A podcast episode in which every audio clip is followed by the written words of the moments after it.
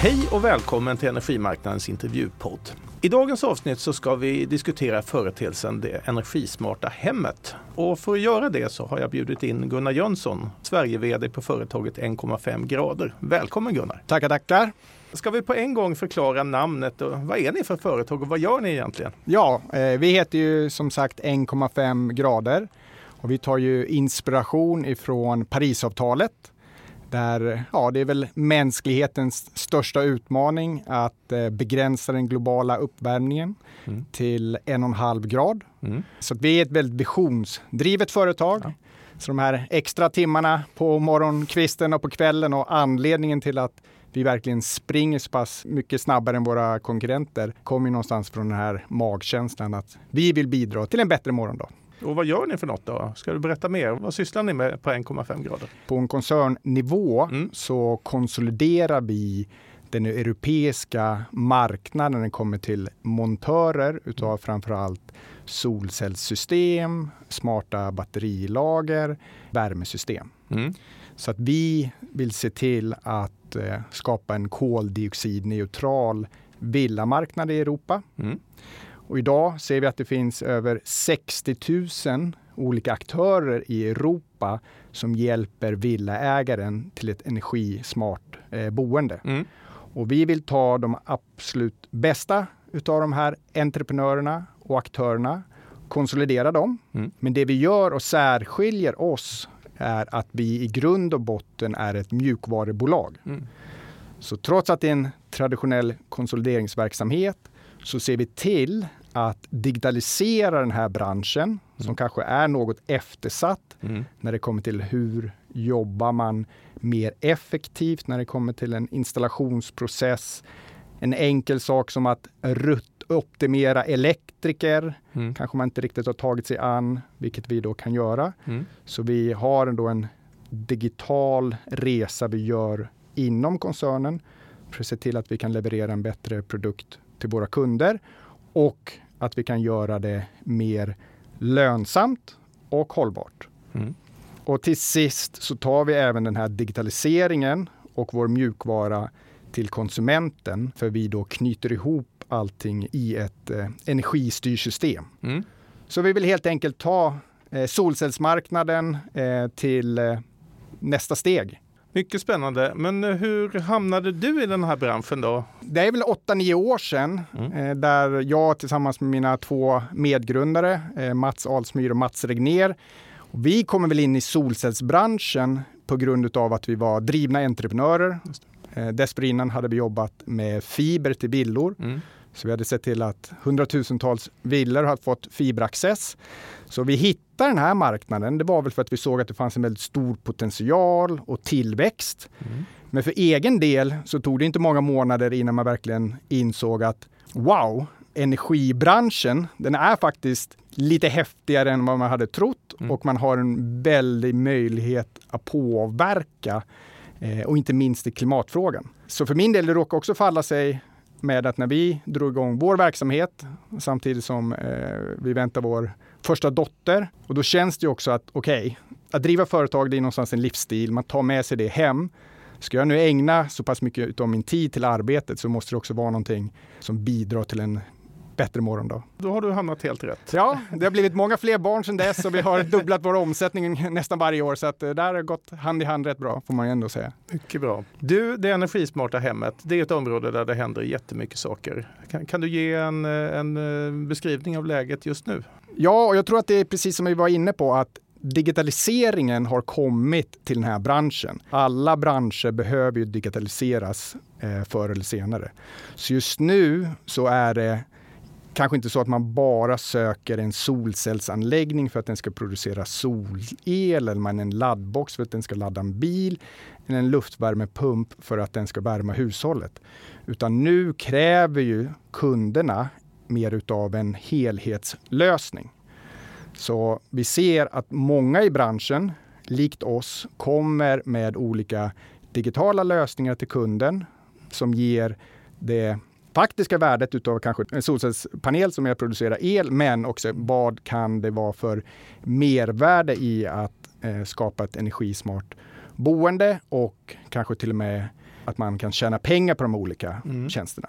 Ni har ju nyligen lanserat en uh, ny tjänst, då, flera stycken under det senaste året. Kan du berätta lite om, om dem? Ja, och här är ju ändå nyckeln till att vi härstammar från att vi är ett mjukvarubolag. Mm. Så allt det vi gör i grunden har ju, bygger vi då på vår egen mjukvara. Så för ett drygt år sedan så lanserade vi vårt egna energistyrsystem, både här i Sverige och Europa under namnet Heartbeat. Mm.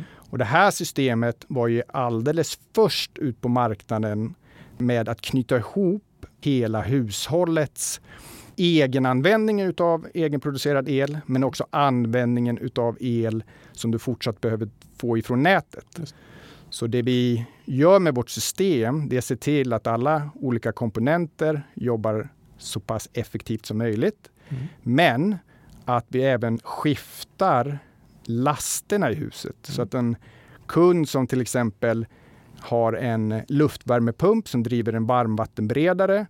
Traditionellt så går den varmvattenberedaren igång när den känner att någon använder varmvatten. Mm. Kanske är på morgonkvisten eller på kvällen. När elen är dyr, inte tillgänglig i nätet på grund av effekt och inte alla gånger är grön, särskilt inte nere i Europa. Och då kan då vårt system se till att vi kan skifta de här lasterna, mm. att ta tillvara på den gröna elen som finns i nätet. Så vi laddar på kanske varmvattenberedaren på natten när det finns mycket vind i nätet och se till att använda den på morgonkvisten. Och sen kommer ju våra solceller igång och då ser vi till att vi tar tillvara på den solelen på mesta möjliga sätt. Mm. Dynamic Pulse. Precis, och eh, som eh, att leda den här branschen så kunde vi inte bara nöja oss med ett energistyrsystem, för jag tror egentligen att det kommer finnas många av de här olika systemen där ute. Men vi vill ju verkligen skapa eh, en kundvänlig produkt. Så vi har i, bara för någon månad sedan lanserat Dynamic Pulse som är vårt elhandelsavtal mm. som då knyter ihop och förverkligar vår vision att man bör kunna leva på sol och vind gratis för evigt. Mm. Eh, solen finns ju tillgänglig via våra solcellspaneler. Vinden finns tillgänglig via eh, energisystemet. Och kan vi bara se till att vi då återigen styr våra laster i huset, se till att använda el smart. När den gröna elen är tillgänglig så är det klimatsmart, men vi ser även att det då nästintill inte behöver kosta kunderna någonting. Mm. Så vi då tar ner helt enkelt kostnaden för en kilowattimme ner till näst intill noll kronor. Mm. Och sen har vi nu möjligheten att även ta Heartbeat och de enheterna kunderna har i hemmet, mm. framförallt idag ett villabatteri, ut till så kallade stödtjänster. Mm. Så vi kan nu generera en intäkt till kunden för att de har ett energismart hus. Och det i sin tur resulterar i att man faktiskt inte har betalt någonting mm.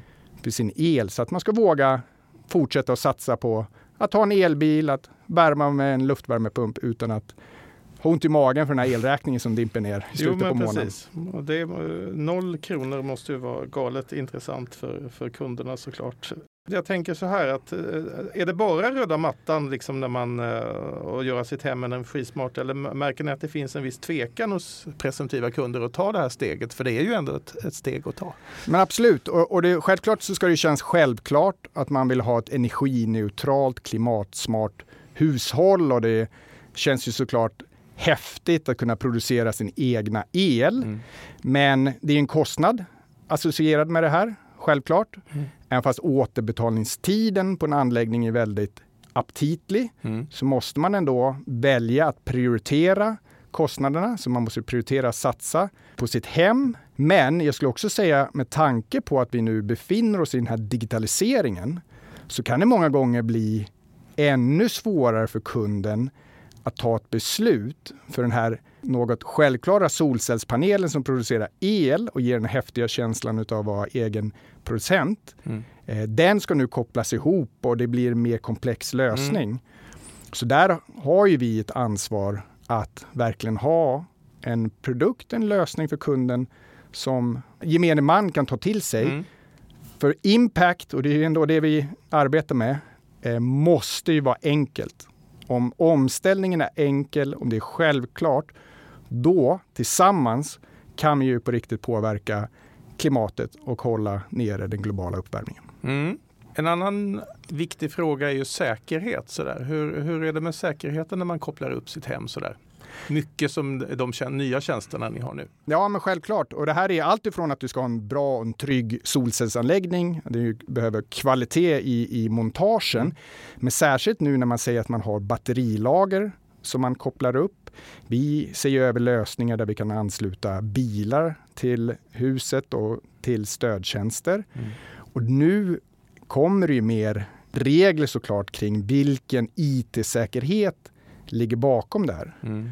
För nu när man skapar de här så kallade virtuella kraftverken, tusentals villabatterier mm. installerade återigen då utav väldigt många olika aktörer. Mm. Och det är det här vi vill göra genom att kan vi då ha en och samma kvalitet och IT-säkerhet kring våra installationer så kan vi förhoppningsvis då även säkerställa att vi har ett robust system. Och det här tror jag kommer bli någonting man diskuterar, att likt Får alla bolag vara med och bygga 5G-nät i Sverige? Kan alla bolag verkligen vara med med sina batterilager mm. och servrar som kanske ligger utanför Europa och stötta ett elnät som är mm. något så pass eh, kritiskt? Tänkte återvända till 1,5 eh, grader. Hur ser er affärsmodell ut egentligen? Affärsmodellen på koncernnivå mm. är ju då som sagt att vi konsoliderar de mest intressanta bolagen i Europa. Mm. Och där har vi en konsolideringsfilosofi att vi vill ju ha entreprenörer som precis kanske har påbörjat deras resa, mm. vill vara med och bygga någonting nytt. Så att vi är inte den här traditionella Pacmanen som bara sväljer omsättning och försöker eh, stöpa alla i en form, mm. utan vi, entreprenören lever vidare. Och sen nästa steg då, som sagt, att vi digitaliserar processen vi får en mycket mer effektiv försäljningsprocess, men framför allt att vi kan digitalisera leveransen emot kunden. Mm. Så kunden får högre kvalitet, ett bättre system och vi har nog också kunnat påvisa att våra bolag vi förvärvar redan idag efter ett år levererar produkterna till 25% lägre kostnad. Mm. Så vi i slutändan behöver ju skapa ett bolag Eh, med en god vinst för att den här impacten verkligen ska kunna vara skalbar. Och sist men inte minst så knyter vi ihop det här då i vårt energistyrsystem som i vår tur blir produkten till kunden där kunden känner att de får en långsiktig eh, lösning ifrån oss. Eh,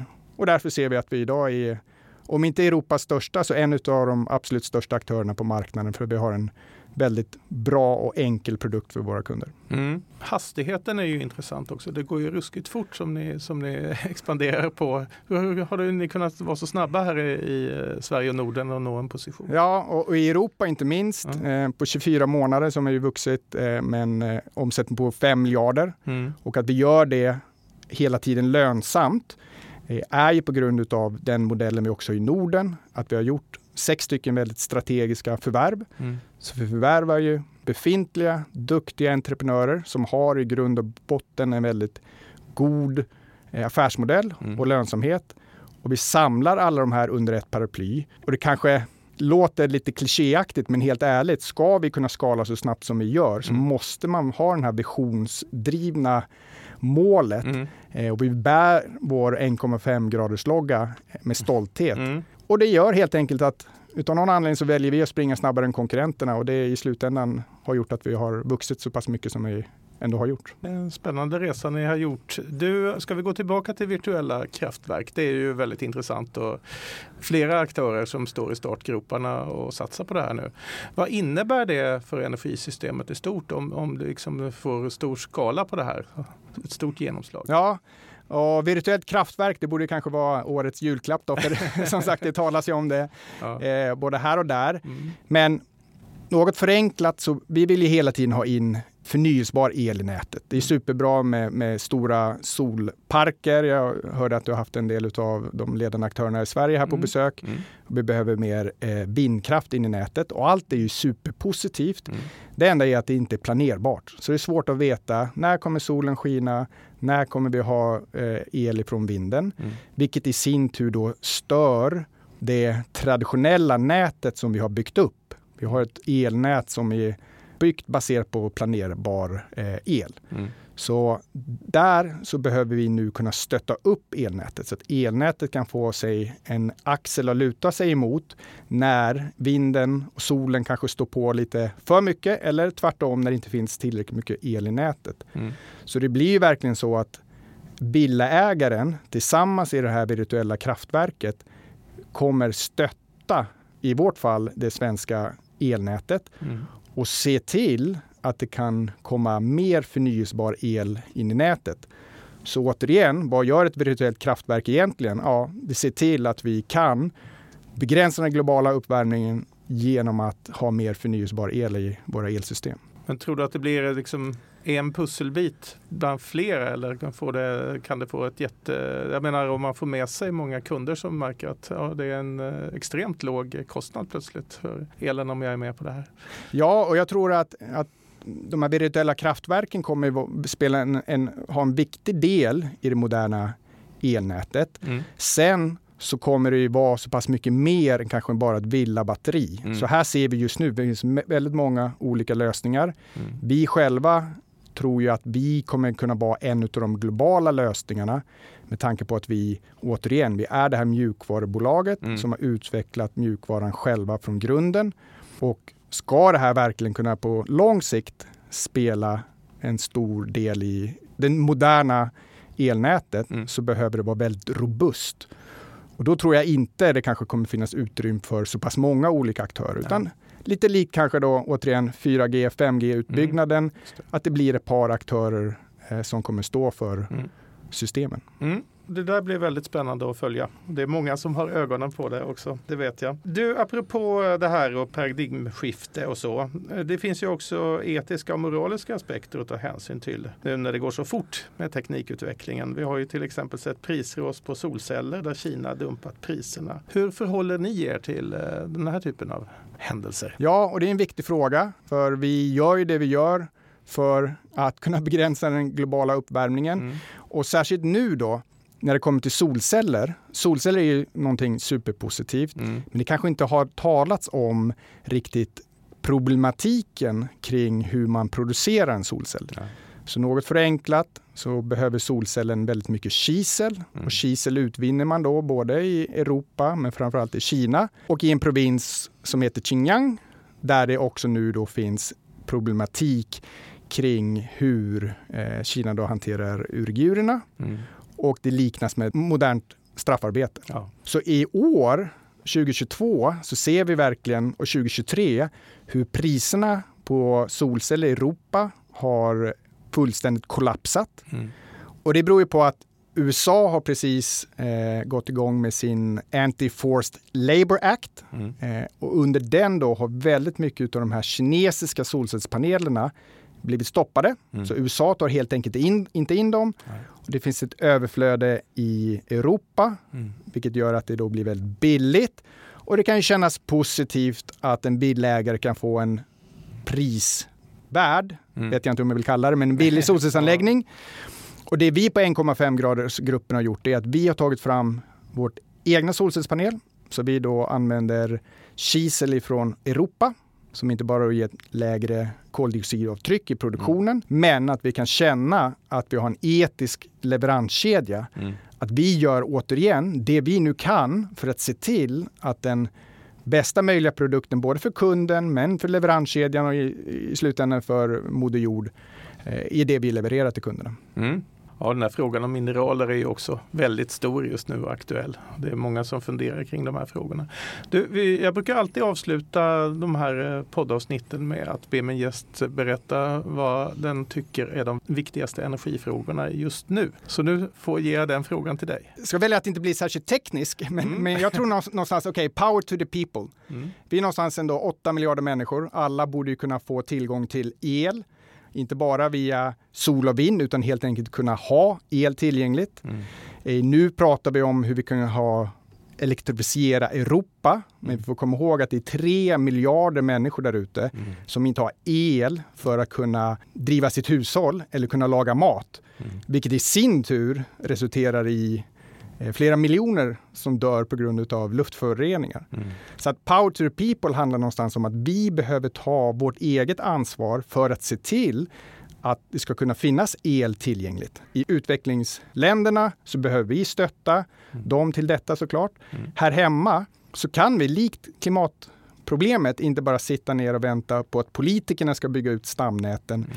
och göra någonting tillgängligt, utan vi behöver satsa på att ha ett energismart hushåll. Vill vi vara en del av det moderna samhället, då är det upp till oss faktiskt att se till att man producerar sin egna gröna el, se till att man har ett system som kan stötta elnätet.